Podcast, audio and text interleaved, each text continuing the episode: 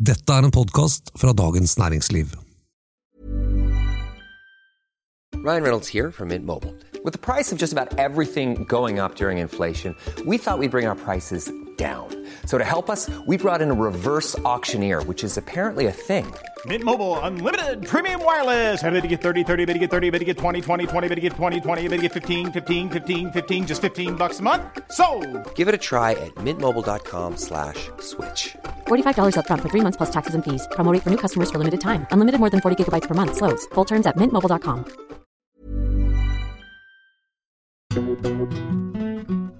2023 var året da Høyre ble landets største parti ved et valg, og Arbeiderpartiet nærmest skrapte bunnen.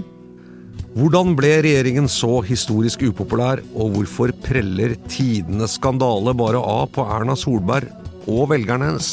Dette er den politiske situasjonen. En podkast fra Dagens Næringsliv med kommentator Eva Grinde og meg, politisk redaktør Fridtjof Jacobsen. Eh, Og dette er vel en slags jule-nyttårsutgave? I dag så skal vi nemlig kaste noen lange blikk bakover på året som eh, ligger bak oss. Og for et politisk år det har vært. Og med oss i studio har vi Bernt Årdal, valgforsker ved Institutt for samfunnsforskning og professor emeritus ved Universitetet i Oslo. Velkommen, Årdal. Takk skal du ha.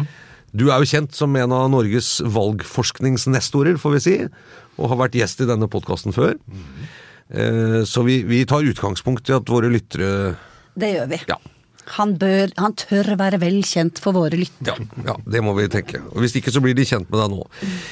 Eh, året som gikk, kan du røft si hva, hva- skjedde med partiene i året som gikk? Nei, Det har jo på mange måter vært et dramatisk år, og særlig det kanskje det siste halvåret med alle disse habilitetsskandalene og statsråder som har gått osv. Men, men det er jo også litt sånn mer sånn langsiktige trender her. Eh, Og dere nevnte innledningsvis dette med, med Arbeiderpartiet som liksom går på sitt dårligste valg på 99 år, som det ble sagt. Det er jo hvis man sammenligner med et stortingsvalg i 1924. Eh, Hvis vi ser på kommune- og fylkestingsvalg, så har de aldri gjort det så dårlig som de gjorde nå. Så det er jo liksom noe av, av den settingen, og hvordan, hvordan kan det ha skjedd? Og da tror jeg igjen vi må gå litt tilbake, fordi eh, i de åtte årene hvor eh, Arbeiderpartiet satt i opposisjon, altså under Erna Solbergs eh, regjeringstid, så pleier jo et opposisjonsparti, særlig et stort opposisjonsparti, å styrke seg. For de tapte jo valget i 2013, og så liksom får de litt mer guts. Det er mye lettere å være i, i opposisjon enn i posisjon. Men det som skjedde med Arbeiderpartiet, var at de mistet jo oppslutning fra valget i 2013 til valget i 2021. Og i tillegg så se- ser vi bl.a. på valgundersøkelsene at velgernes tiltro til Arbeiderpartiet på en rekke saksområder, det var ikke så voldsomt mye å skryte av. De har kommet seg noe, men de lå veldig lavt, og så, og så hadde det gått litt. Men kontrasten f.eks. til det som skjedde i 2005, etter det forrige katastrofevalget i 2001, den er ganske stor. fordi at i løpet av de fire årene der fra 2001 til 2005, der kom Arbeiderpartiet som en kanon tilbake igjen med tillit på veldig mange saker og økte oppslutningen. Ta Så- det så- litt eh, tilbake. Hva skjedde i 2001 og 2005? Nei, i, I 2001 så, så gikk jo da Arbeiderpartiet på et, et veldig sterkt nederlag. Altså, de hadde jo overtatt makten fra Bondevik-regjeringen i 2000, og det var en veldig sånn urolig tid. Ja, det var det ett år da Jens Stoltenberg satt det første året. Nettopp. Det var det Ja, første året han var statsminister, og det var et, et, si, et vanskelig utgangspunkt, og det ble ikke noe, noe særlig bedre. Eh, Så det var liksom det forrige eh, gangen man sammenlignet med denne berømmelige 1924-valget. Men, men da var det også i den perioden hvor Bondevik satt, så ble det også bilde av at, at her var det en veldig høyredreining av politikken, altså en ideologisk veldig tydelig eh, tendens, og som Arbeiderpartiet liksom allierte seg da med de andre rød-grønne partiene og liksom sto, sto imot og markerte seg liksom som en tydelig sånn venstreposisjon. I de åtte årene som Erna satt, så var det nok mye vanskeligere for Arbeiderpartiet å liksom få det der tydelige konflikten. ikke sant? Det, de gjør så mye galt, og vi har gjort noe annet. Fordi at bl.a. Arbeiderpartiet gikk med på en ganske mange forlik, kompromisser med regjeringen i denne tiden. Bare så vi spoler tilbake Arbeiderpartiet på begynnelsen av 2023, og der hvor de er i dag, hvordan ser den kurven ut? Sånn? Nei, altså det, å si, det største fallet, nedgangen, skjedde nok allerede etter etter valget i 2021 og i 2022. Og, eh, så, så det har ikke skjedd så veldig mye dramatisk sånn oppslutningsmessig i de senere, eh, det, senere år, det siste året, bortsett fra at, at, det har gått ganske mye sånn brattere nedover. Én ting er jo det valgresultatet som de nå fikk som var veldig dårlig, på 21,3 ved kommunevalget.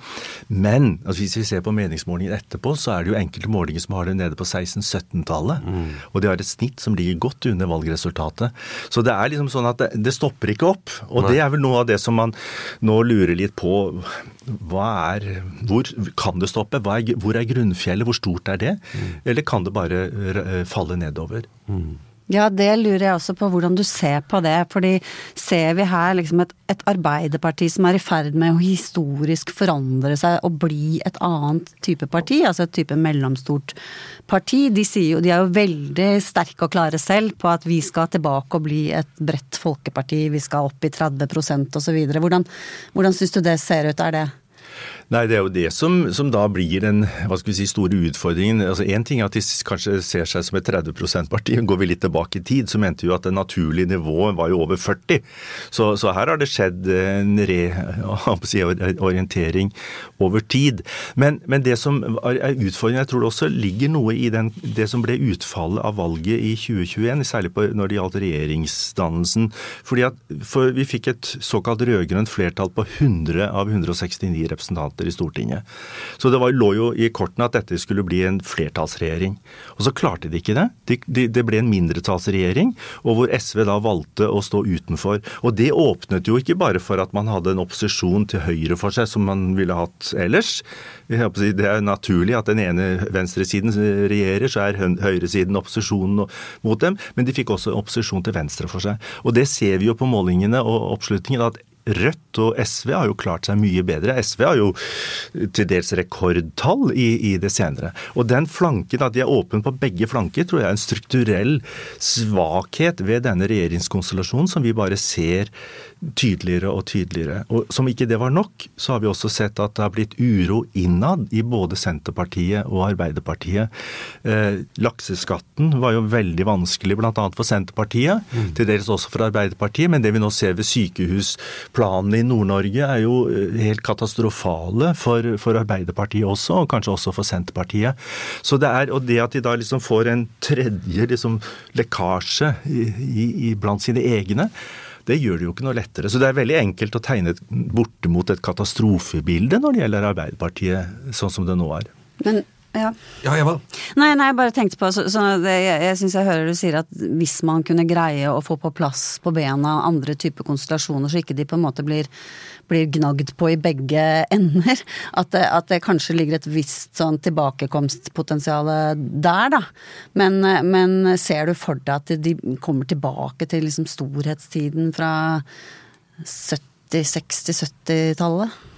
Altså det, er, det, er, klart at uh, noen ser jo Arbeiderpartiets situasjon i en si, bredere internasjonal sammenheng sammenlignet med eh, sosialdemokratiske partier som sliter i mange andre land. Men jeg er nok av de som, som eh, liksom ser at partiene er i veldig stor grad i stand til å tilpasse seg endrede omgivelser. Eh, de har en egeninteresse av det, selvsagt. ikke sant? Hvis de skal overleve, så må de gjøre det. Og de har også en, en mulighet for å spille på flere strenger. og i forlengelsen av det spørsmålet ditt, så ligger det jo også hva, hva kan skje fram mot neste stortingsvalg. Og, og, da er jo nettopp dette spørsmålet med hva slags regjeringskonstellasjoner, hva slags koblinger av partier ser vi. Og det gjelder jo ikke bare på rød-grønn side, men det gjelder kanskje vel så mye på borgerlig side. Altså, Vi ser liksom at det er spenninger, avstand mellom flere partier, slik at den der gamle blokkdelingen som var så veldig grei når det kom til, til, til valg, altså til stortingsvalg, da var det liksom identifiserbare to tydelige blokker. Det er jo blitt en, en helt annen situasjon, hvor de sliter på begge sider. I året som har gått i 2023, er det noe som var overrasket da, når du ser på partiene og velgere og oppslutning? Ja, det er jo altså det er jo stadig ting som skjer, og, det er klart at utslagene, oppgangene f.eks. For, for Høyre og, og, nedgangen for regjeringspartiene er såpass store at det, det, er jo på en måte litt eh, overraskende. Men, men, jeg tenker jo at det kanskje, hvis vi tenker litt framover også, at noe av det som har skjedd i det siste, er jo denne veksten til INP, Industri- og Næringspartiet. Ja. Fordi at én ting var at de, de gjorde det veldig bra ved ved valget. Nå fikk 3 men i meningsmålingene etterpå så har de jo ligget i, sånn som i november, lå de i snitt på fire, altså over sperregrensen. Og da snakker vi plutselig om 6-7 mandater. Større enn mange andre partier. Ja, og så vil man jo kanskje si at et sånt nytt parti, kanskje med et sånt protestelement, at det kan være døgnflue. Og det har vi jo sett tidligere, at det kan være easy come, easy go. Men det som jeg tror skiller INP fra en del av de andre sånne partier, er at de har veldig, satset veldig på organisering. Altså partilag rundt omkring i hele Norge. Og hvis du ser et kart over oppslutningen deres nå eh, ved valget sist, så ser du at de, de står utrolig sterkt. Ikke bare langs kysten på Vestlandet, men også oppover langs kysten nordover.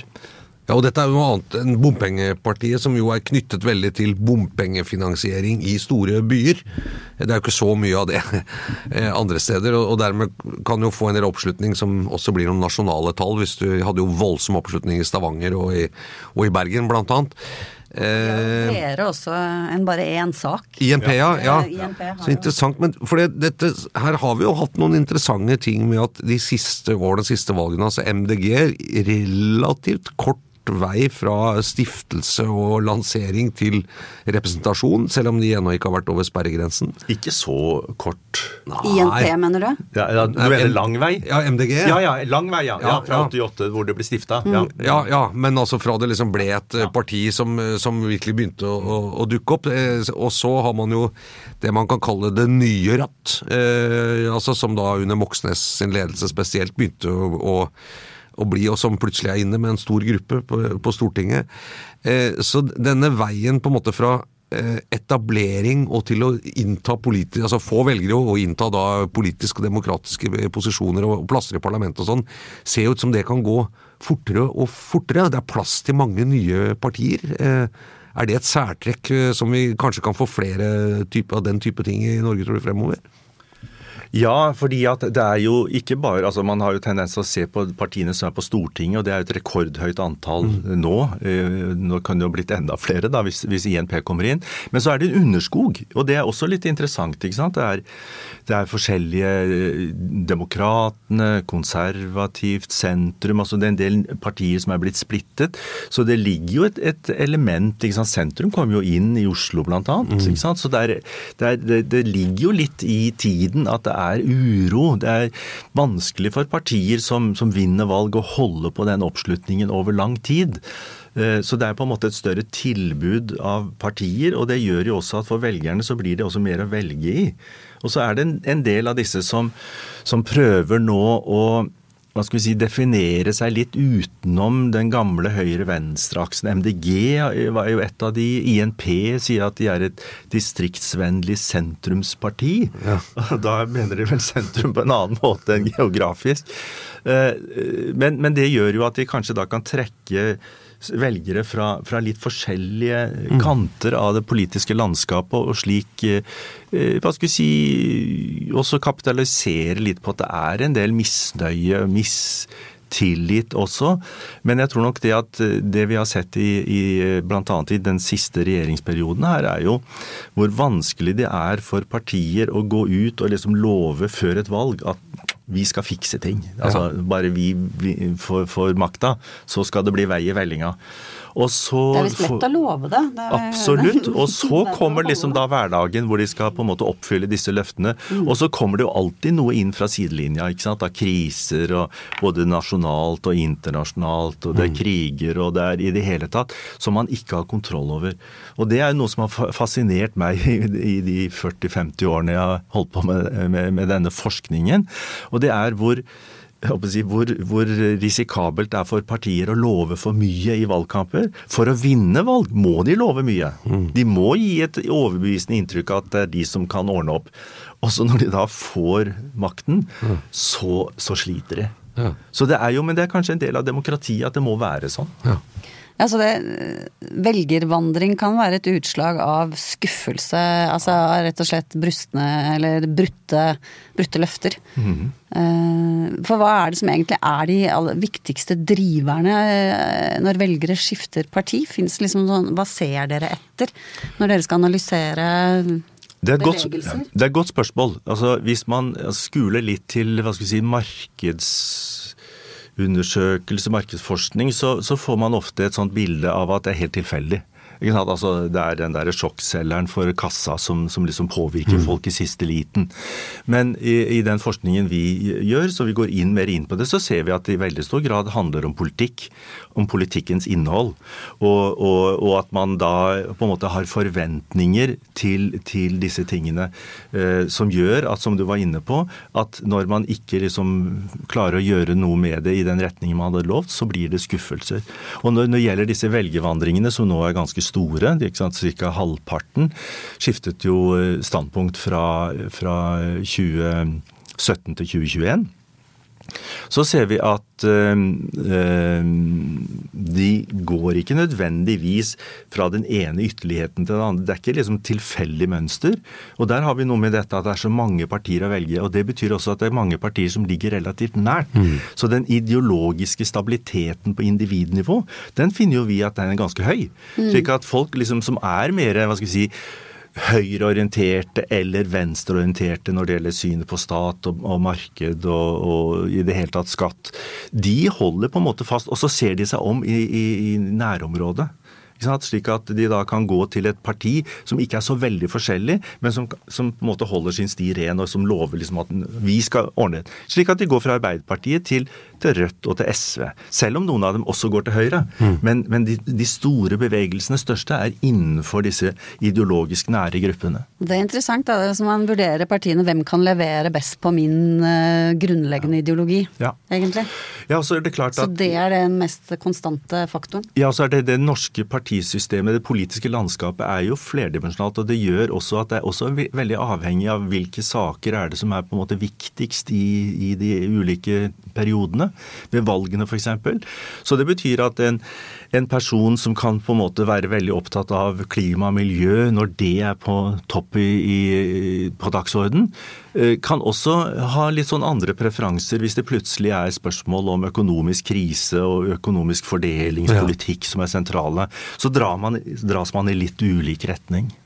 Personene her, da, ut fra det du sier at man er i sitt ideologiske eh, omland, skulle man jo kanskje tenke at eh, hvem av lederne og personene, at man har høy troverdighet eller tillit, spiller det også inn?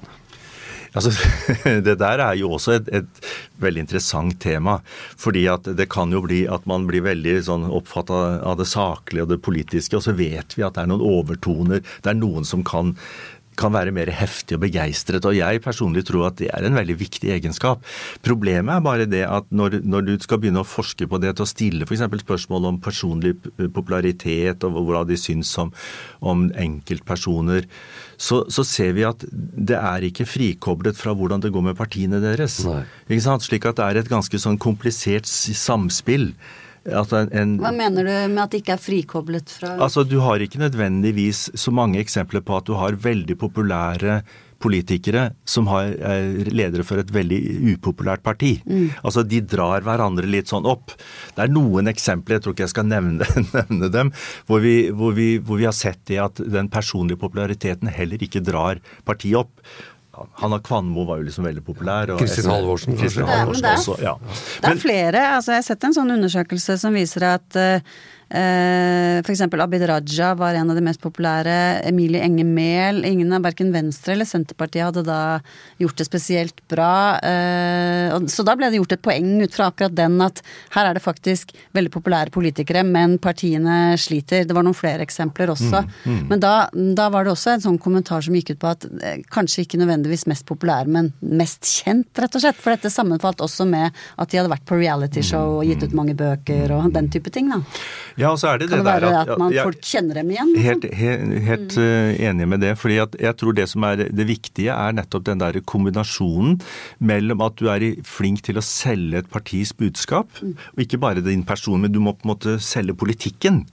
Eh, og så må det også være noe at det er, det er gjenklang for den politikken. Du må treffe nerve osv. Men bare det å være kjent, det holder ikke. Eh, Det var jo en periode hvor Carl I. Hagen var på sin mest populære, og det gikk veldig bra med Fremskrittspartiet. Så var det nok kanskje noen, kanskje han selv også, som tenkte at det, var, det avgjørende var at han var så populær. Og så så vi perioder hvor det ikke gikk så bra med partiet. eh, Og, og han klarte ikke å dra dem opp, som du er inne på. ikke sant? Så det, det er mer komplisert. Det har vært gjort eh, masse undersøkelser internasjonalt også på det der forholdet mellom person og parti, som viser veldig mye av det samme. Og så er det noe som man skal huske på at mye av litteraturen på dette feltet kommer jo fra USA. Og USA er jo et kandidatbasert system, som vi kaller det. ikke sant? Mens europeiske, herunder Norge, vi er partibaserte systemer. Så, så det også på en måte komme sånn fra det store intet og, og bli partileder f.eks. i Norge, det, da, det er mye vanskeligere enn en i USA. I USA må du på en måte konstruere en, en kandidat, et partiprogram, etter hvert som de kommer. Mens i Norge, hvis det er en som plutselig Jeg pleier å si at hvis naboen din plutselig står på en, en eh, liste til kommunevalget for et eller annet parti, la oss si Venstre, Høyre, hva som helst, så vet du plutselig en god del om hva denne personen står for, selv om du ikke har snakket ett ord med vedkommende. Så der har du noe av den der tyngdekraften som ligger i et, i et system som i veldig stor grad bygger på, på at det er partiene som representerer ulike politiske strømninger. Her er det jo en gåte som vi eh, har eh, balet veldig mye med denne høsten i denne podkasten, nemlig Erna Solberg. Som jo eh, nå bare noen fra toppen av hodet. altså Erna Solberg, eh, Erna Stjerna, nesten én til én. Høyre er Erna, Erna er Høyre. Altså Det er jo en veldig, veldig sterk partileder. Eh, vært partileder i 20 år til neste år. Eh, statsminister i åtte, eh, og er vel en av Norges aller mest kjente politikere, om ikke kanskje den mest kjente, for alt jeg vet. Eh, eh, og eh, og hvor, hvor liksom slutter hun, og hvor begynner partiet, det er jo et åpent spørsmål for oss som følger det. Eh, Hennes posisjon internt er jo helt tilsynelatende helt ubestridt, var det i hvert fall før aksjeskandalen, og, og ennå står sterkt. Så kan man jo lure på Hvorfor ser vi ikke noe velgerreaksjon på denne aksjeskandalen? Eh, Er det fordi de stemmer ikke på Erna, de stemmer på partiet Høyre? Eh, Eller er det, eller som er det på tross av henne, er det på grunn av henne, eller er det fordi man mener saken ikke er stor nok? Eh, Eller hvordan skal vi forklare dette? For jeg syns hun er jo et interessant case i dette mellom parti og person. Absolutt. Og, og hun er jo eh, på mange måter en imponerende politisk leder. Og tenker man tilbake, så var ikke det, lå ikke, man skulle ikke se det i stjernene da hun kom på banen første gangen. Nei. Så hun har arbeidet seg opp til den posisjonen. Eh, og så har vi da en del, mange liksom nå gått og ventet på at det kommer noen målinger som viser at nå, nå, nå begynner det å gå dårlig både med henne og med partiet. og så foreløpig ser det, det har vært noen en enkelt måling blant annet som viste et signifikant fall for Høyre, men det kan jo være at det tar litt tid. Men, og, og det var jo også en, en um, NRK-måling blant annet i november som viste at Støre og hun var omtrent like populære, Mm. det helt, som var veldig overraskende og nytt. Også, Ja, fordi hun alltid har ligget ja, ja, ja, eh, har mange ligget- hestehoder ja, ja, foran, ja, ikke det, sant? Ja, det er mange år siden. Det har vært noe, noe jevnt, jevnt løp der. Men så, så, så viser det da, kommer det et par målinger nå, statsministermålinger nå i desember som viser at nei, nå er hun tilbake igjen. Men, og det tror jeg er litt interessant, Dagbladets måling, som hadde Erna klart foran Jonas, viste noe annet interessant. Og det var at de hadde også sett på øh, om, si, andelen som hadde mistillit til, til disse personene. Og da var det en 37-38 altså nesten 40% som hadde mistillit til begge to. Akkurat. Også til Erna. Så det som kan være, er jo nettopp at du får en polarisering, som du var litt inne på. At de som stemmer på Høyre og identifiserer seg veldig sterkt med Høyre og Erna, de holder fast på henne og og tillit. Men at det blir en, hva skal vi si, en, en annen reaksjon, og det ser vi jo også i det politiske liv, at det er en del eh, fra Venstre, Frp, som begynner å murre litt. Og, og det går jo også noen eh, ja, hva skal vi si, forlydender om at det er ikke alle, i alle, det er ikke alle i Høyre heller som er helt trygge på hvordan dette kommer til å gå. Nei. Og, Nei, nei det, er bare, det er så interessant det du snakker om. Jeg bare tenker på liksom, Hennes rolle er jo ikke bare leder av Høyre, det er jo også eh, forhenværende statsminister, hvor man sier jo at det er mange oppvoksende slekter som ikke, som ikke helt har fått med seg at hun ikke er statsminister lenger. Ikke sant? Hun har hatt denne statusen som landsmoder og har betydd noe for veldig mange, også ikke Høyres velgere. Og hun er jo da opposisjonens statsministerkandidat, ikke sant. Sånn at dette med mistillit fra de som ikke er Høyresforne, det jo, har jo en betydning for hennes helt sånn eh, statskvinnerolle, ja, ja, for sant? da blir det litt mer hva skal vi si, partipolitikk inn- inne inn det. Og, og helt enig i at hun, hun fikk jo en, hva skal vi si, en image som en veldig sånn landsmoder. og Hun satt jo tross alt i åtte år som statsminister, nesten sånn at man kunne sammenligne med Gro, hvor de liksom de barna lurte på om, det, om, om menn kunne være statsminister ja, i Norge. Men, men, men det, er sånn at det, det som da kan bli interessant nå, det er jo nettopp da om det blir noen sånn mer spenninger. Det er ikke så selvsagt at det er hun som skal være statsministerkandidat. Nå kan det jo være at eh, den innstillingen som kommer fra kontroll- og konstitusjonskomiteen i februar, at den kanskje kan få noe betydning. Det vet vi jo ikke helt. Men samtidig så er det jo også et, et eh, interessant poeng her at hadde dette blitt kjent mens hun var statsminister, så ville jo konsekvensene, konsekvensene antagelig blitt ganske så mye mer alvorlige. Ja. At hun kanskje måtte ha gå, gått. Det ville nok vært en annen sak, ja. Da kunne man jo ikke ha ventet på de undersøkelsene mens hun satt Nei, som fordi at hun statsminister. har fordi tross alt, hun har tross alt. Mm. sagt selv at hun har vært inn, ble, eller hadde vært inhabil Mm. i, i en lang rekke saker mens hun satt som statsminister. Det kunne hun ikke ha fortsatt med. La oss holde litt fast ved Høyre. Du, du, så du har jo eh, studert norsk politikk og velgerrettferd i, i flere tiår. Eh, tidligere denne sesongen så eh, hadde vi en podkastmann, Einar Lie, professor i økonomisk historie, hvor prøvde å si er, er Høyre blitt et folkeparti? Altså et styringsparti har de jo i og for seg vært eh, også i mange, også før, før krigen. Men det har jo vært det andre styringspartiet også etter krigen. Men, men er det også nå blitt et folkeparti? Ja, altså vi har sett, vi så det på 80-tallet også med den første høyrebølgen, at når et parti vokser såpass mye og blir såpass stort som Høyre, så, så betyr det at da har de oppslutning på en ganske bred både geografisk basis og sosial basis. At de får med seg velgere som de kanskje ikke har hatt det samme grepet på tidligere. Men dette har jo også gått i bølger for Høyre. ikke sant? En periode så, så gikk det liksom tilbake, og vi ser jo fortsatt at det er noen, noen sånne mønstre i hva skal vi si, sosial profil blant Høyres velgere som skiller dem f.eks. fra Arbeiderpartiets velgere. Eh, Fortsatt? Så, fortsatt, ja, absolutt. Det og det, det, er, det er egentlig litt overraskende. Nei, altså det er eh, altså, økonomisk status, Ja, yrke, sant? Mm. eh, klasse osv. som også spiller en, en, en rolle. Ikke så, så mye som, som tidligere. Så det er jo noe, men igjen, ikke sant, at et parti som ligger sånn opp mot 30% sånn som de nå har gjort på, på en, en stund, det er klart at da blir det et ganske, ganske stort, stort parti. Um, men det som kanskje da kan um, Altså det man kanskje også glemmer litt når det gjelder Erna og også den statsministerperioden hennes, det var jo det at den synliggjorde også de store spenningene på borgerlig side. Altså Det var tross alt fire ulike kombinasjoner av partier som styrte i de åtte årene. Og, og noen kom inn, og når par av de hadde kommet inn, så gikk det andre ut igjen. ikke sant? Så, så det, har jo, det, det har jo også vært sånn at, at det var jo ikke noen sånn suveren periode hvor de hadde liksom flertall og styrte på det, og det var ikke noe, noe trøbbel. Men den politiske hukommelsen er jo ofte veldig kort. og det det er så- gjelder jo sånne ting òg. Ja, det er derfor det er så interessant. at Hun har liksom gått av med et sånt image som sånn soliditeten og stabiliteten selv, ikke sant. Altså egentlig hvis du ser på faktum i løpet av de åtte årene, så skjedde det veldig mye. Det skjedde veldig mye. Jeg, jeg satt også og så her om dagen på statsråden hennes. Altså Én ting er at eh, hun hadde seks forskjellige justisministre. Eh, Men det var jo, og det hadde jo nettopp også med at det var flere partier som kom inn og ut osv. Og, så og det gjorde jo at det ble hele tiden rokeringer av regjeringen. Slik at det var flere, flere departementer som hadde liksom fire-fem statsråder i løpet av den tiden. Så det var en mye mer urolig tid. Og når man nå sier at ja, men nå er det opptil flere statsråder som hadde gått av, så, så er heller ikke det noe nytt. Det er heller et interessant spørsmål om vi her ser en en trend eller noen tendens til at dette kanskje blir det mønsteret? At det er såpass mange fallgruver det å bli statsråd?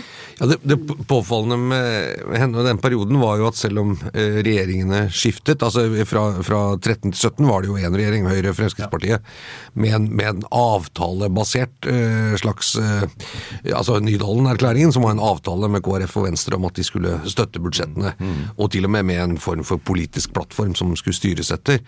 Eh, så var det litt mer åpent fra, fra 17 til 21. Mm. Men man opplevde vel at disse fire borgerlige partiene utgjorde en blokk som var, hadde en slags gjensidig forpliktelse til å holde en Erna Solberg-ledet regjering ved makten. Uavhengig om man satt inne eller ute. Fremskrittspartiet gikk ut og liksom skulle true litt, men det var jo ikke noe realisme at de skulle kaste den regjeringen for å sette inn Jonas Gahr Støre, sånn som Carl I. Hagen gjorde i 86. Mm. Eh, så, så, på meg virker det som folk vente seg litt til det, og at akkurat denne politiske situasjonen der man nettopp Noen partier er ute, noen er inne. Det, man har liksom to koalisjoner. Man har en parlamentarisk avtale, skriftlig eller implisitt, og så har man en regjering. At akkurat Erna Solbergs eh, lederegenskaper var nesten skreddersydd for denne formen for politisk maktinnehav. da. Eh, mens Jonas Gahr Støre eh, sliter mer, for det er jo litt det samme bildet vi har nå i denne store rød-grønne blokken på 100. Men, men som en eh, sa til meg fra denne blokken, vi har et kjempestort flertall, men vi, det er jo ingen av oss som får noe ut av det. Vi gjør hverandre ikke noe gode. og Det er vel om å oppleve vel at Ja, de ble jo gjenvalgt til 17, så det må jo liksom være en annen opplevelse. Der skiller det seg kanskje litt, de to. Jo, men det, det er jeg faktisk enig i. at at det, det, som også var litt spesielt med Støre-regjeringen, eller situasjonen før valget i 2021, var jo at de ikke hadde en veldig sånn avklart uh, konstellasjon for, for, regjering. ikke sant? Arbeiderpartiet ønsket en trepartiregjering. Uh, Senterpartiet ønsket to partier. Og de fikk liksom viljen sin til slutt. Og så var det da, så var det også kanskje mange som ikke helt hadde tatt med at Rødt begynte å vokse osv. og komme inn. slik at de var jo ikke, de var ikke forberedt på, på dette. De hadde ingen felles eh, si, forståelse for uh, hvordan man, dette skulle være etter valget. Og i, i, og med at det fikk det utfallet som vi var inne på i sted, så, så er nok det vært en, en, svekkelse, en svakhet ved hele denne konstellasjonen. Og så er da spørsmålet hva gjør man nå framover? For det er jo ikke ikke blitt noe enklere ved å skulle da manøvrere, og hvor du da har to partier som plutselig kan kanskje også bytte litt side. Du har INP og MDG. Det er også et interessant spørsmål i neste år, å se hvordan, hvordan de vil på en måte oppføre seg. Nå er de kommet inn, altså INP som nytt da, og MDG som for så vidt da har, har vært i posisjon, hvordan de vil oppføre seg også med henblikk på valget i 2025. Om, om de liksom hele tiden vil prøve å veksle litt mellom høyresiden og venstresiden, mm. eller, eller om de velger side. Vi eh, Jo, eh, Eva. Eh, og det må vi jo kunne unne oss. Dette med makta. Ja, makta. Som er jo liksom høstens Store snakker. Historisk politiske serie. Men har du sett den? Ja visst. ja visst. Ja, ja, ja. Det er obligatorisk. Ja, det må det være. Hva syns du? Er det Jo, den er jo underholdende. Mest gøy, eller? ja, in, altså det, det, er klart at uh, denne sjangeren Det er jo noen av oss som fikk et sånt uh, sjokk eller antipati med denne Atlantic Crossing, mm. som egentlig bedrev historieforfalskning i stor grad. Så, så jeg syns jo at denne er, er, er litt nærere lærere. Og så blir det jo selvsagt Så sier den jo klart fra at ja, den, hva den ikke er. Jo, men det er, en, det er, et litt skummelt triks, altså. At, at, du liksom sier at det er litt sannhet, og så er det litt øh, si løgn og dårlig. Og dårlig hukommelse. Da blir det en sånn lapskaus av det, kanskje. Nei, men jeg syns jo for så vidt den er interessant, og den, den, peker jo på noen trekk ved, ved politikerne og det miljøet innad i Arbeiderpartiet. Og jeg har, jeg har benyttet anledningen til å lese om igjen eh, bibliografien til eh, eh, Hans Olav Lahlum om Reulf Steen. Og da opplever du jo at en god del av passasjene har de hentet bl.a. derfra. Så den har jo en historisk element. Og så er det noen som kanskje syns at dette Oi, dette det, var det sånn? Men det er klart det var eh, sånn. Men jeg tror nok at hvis du hadde gått i en del andre partier, så ville du også sett at det var en del eh, fuktigheter og, og damehistorier osv. Så, videre. så Så det tror jeg nok kanskje maktkamper. Og ikke minst maktkamper. Og det er klart at, at det er jo kanskje noen som, som kanskje syns er lite sympatisk. Men, men det er klart at det er jo Altså, politikk handler jo om å få makt. Og det er klart at det å da komme i posisjon, eh, si, vinne over andre, det gjør jo at de som da kanskje har tapt litt på veien, de vil gjerne so- ha, ha en plass i sola, de også.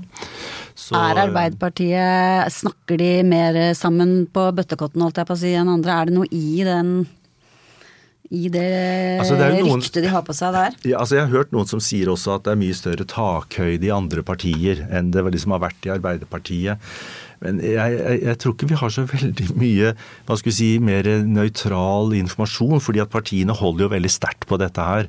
Eh, Men det er klart at altså, Arbeiderpartiet har jo hele tiden, altså har jo vært en det spesielle med det partiet har jo liksom altså vært at det, det ble jo egentlig stiftet litt si, i fagbevegelsen før det ble etablert som politisk parti. Så de har hatt en veldig sånn kobling til en annen gruppering som har veldig sterke interesser knyttet til politikkutforming osv. Og, og også i og med at det har vært regjeringsparti. I, i store, Det dominerende regjeringspartiet i veldig store perioder så tiltrekker jo det seg nettopp den type konflikter. Så, Og folk. og folk, ikke minst. Så, så jeg tror nok at hadde det vært andre partier som hadde kommet i samme posisjon, så, så kan være en blanding. Karrierister kan liksom søke hvis de har, får muligheten for dette, men så er det også veldig mye oppriktige folk som, som vil, vil liksom innføre og føre sin politikk, og så er det uenighet om det. Så på mange måter så kan det jo være nyttig å ha et innblikk i hvordan politikk liksom blir til.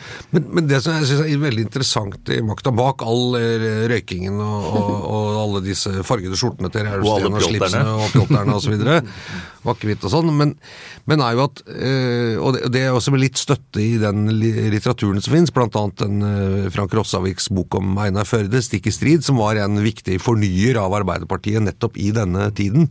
Han, han dukker jo ikke så veldig mye opp i serien, men, men Nei, eh, han er helt utydelig. Jo, han er med. Han er med, det er bare han at det er ingen utydelig. men som han var- skjønner at det er han. Når du leser biografien, så var han jo altså, han var liksom bare eh, Hadde ikke bare skarp tunge, han var altså en veldig viktig fornyer. Eh, men er at dette kommer altså på slutten av 70-tallet. Serien begynner vel i 74, eh, når eh, Gro Harlem Brundtland kommer inn i rikspolitikken. Da har man lagt bak seg 60-tallet, Vietnamkrigen, eh, altså et Blindern hvor det var eh, mye radikalisering. Vi er inne i EF-striden, ja, og så er vi inne i AKP-tiden på 70-tallet. Helt dominerende i ungdomsgenerasjonene.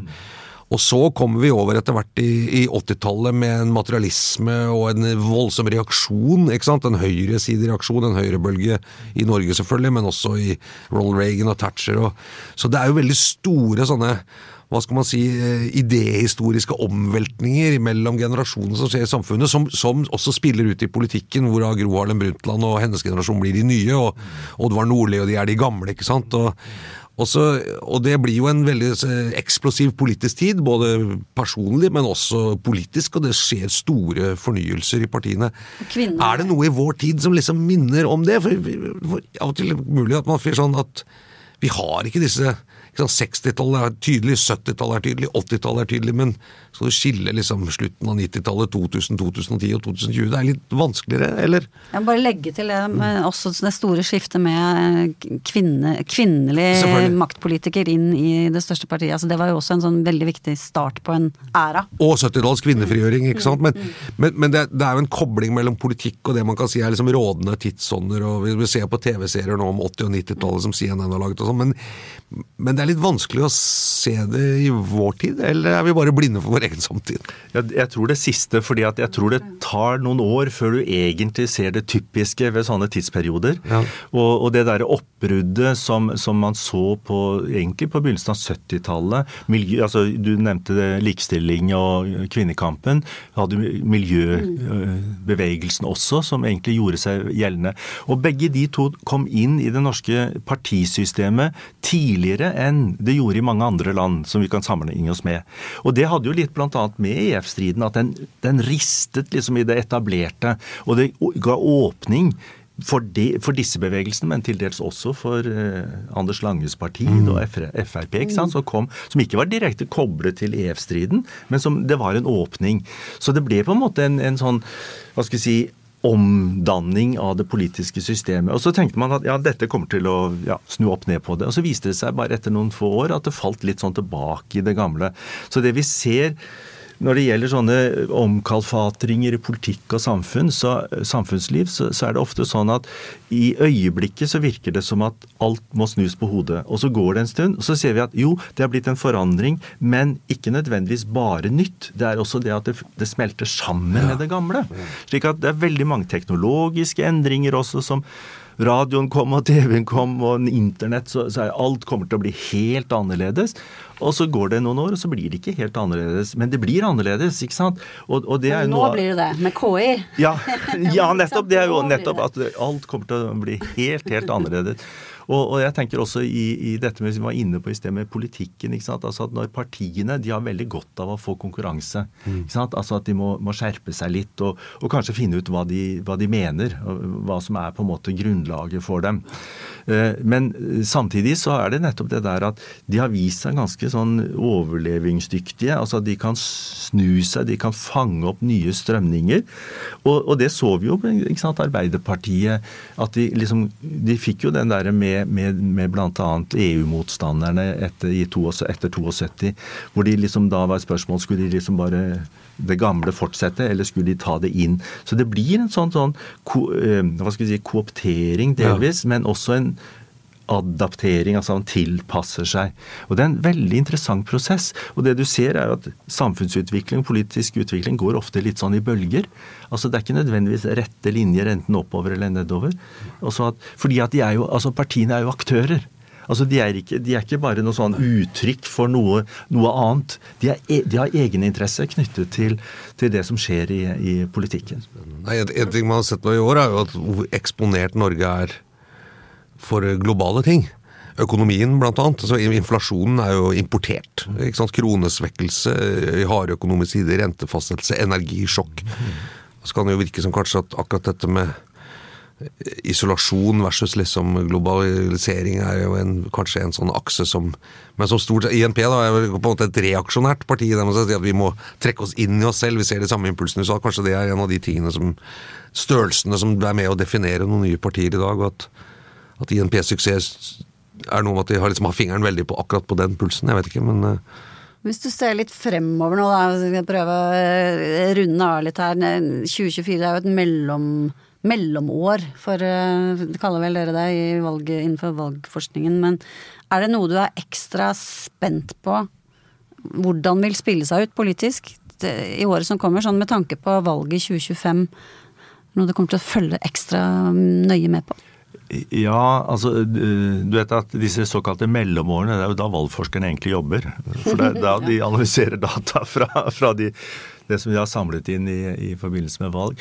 Nei, men altså, jeg, hvis vi da tenker framover Det er jo liksom sånn at det er det som liksom nå gjelder. At hvis, hvis, hvis, de tendensene, de målingene vi nå ser, er det blir valgresultatet, så blir det jo en veldig stor omveltning i sammenlignet med det siste valget i 2021.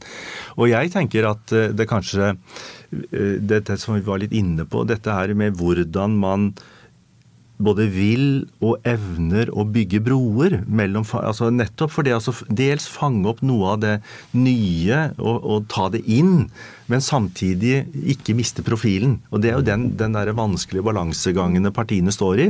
At hvis de på en måte sier at vi skal favne alt det, det nye, og alle, alle, protester og sånn skal vi liksom samle under én paraply, så vil det jo sprike noe så voldsomt ikke sant, i, i, i hva, hva slags politikk dette egentlig fører med seg.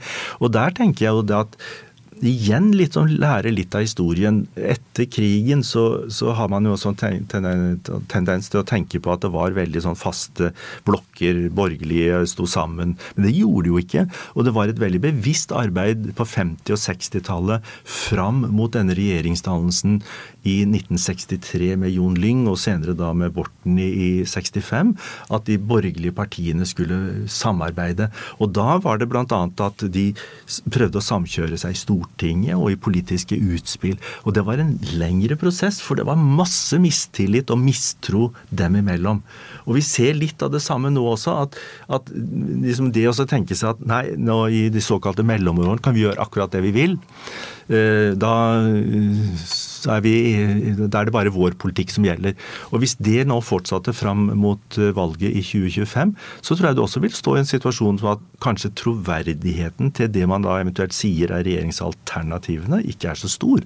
Og at du får ikke velgerne nødvendigvis med deg på, på, det. Så du anbefaler en viss, eh, altså at man begynner å snakke litt om mulige koalisjoner og ja, Bygge litt tillit hos hverandre? Ja, politikk er jo også eh, jeg, hardt arbeid og håndverk. ikke sant? Altså bygge, bygge, allianser. Og det gjelder liksom uansett hvilke grupper du tenker på. Om det er på venstresiden eller på høyresiden, så tror jeg de trenger For at det er den altså tilbudet av partier er blitt så stort. Mm. Og, og, de liksom klarer å, å karre seg liksom fast. De får liksom en fem, seks, syv, åtte mandater, og det kan jo være nok til at de sitter og bestemmer. ikke sant? Altså, på svensk kaller det for vågmestere. altså Det er de som liksom sitter der med balansen eh, og bestemmer. Og da kan det jo godt være at, at noen som kanskje ikke representerer de, mer, ja, de større velgergruppene, plutselig får en uforholdsmessig stor innflytelse. Ja. Tusen takk, Bernt Årdal, for at du besøkte Den politiske situasjonen, som også er en podkast fra Dagens Næringsliv med Eva Grinde og meg, Fridtjof Jacobsen. Produsent er Gunnar Bløndal. Eh, og vi kan vel ønske folk godt gledelig, nyttår. Gledelig jul og godt nyttår. Et eller annet. Uansett. Eh, mer i 2024. Det blir det. Ha det bra. Ha det.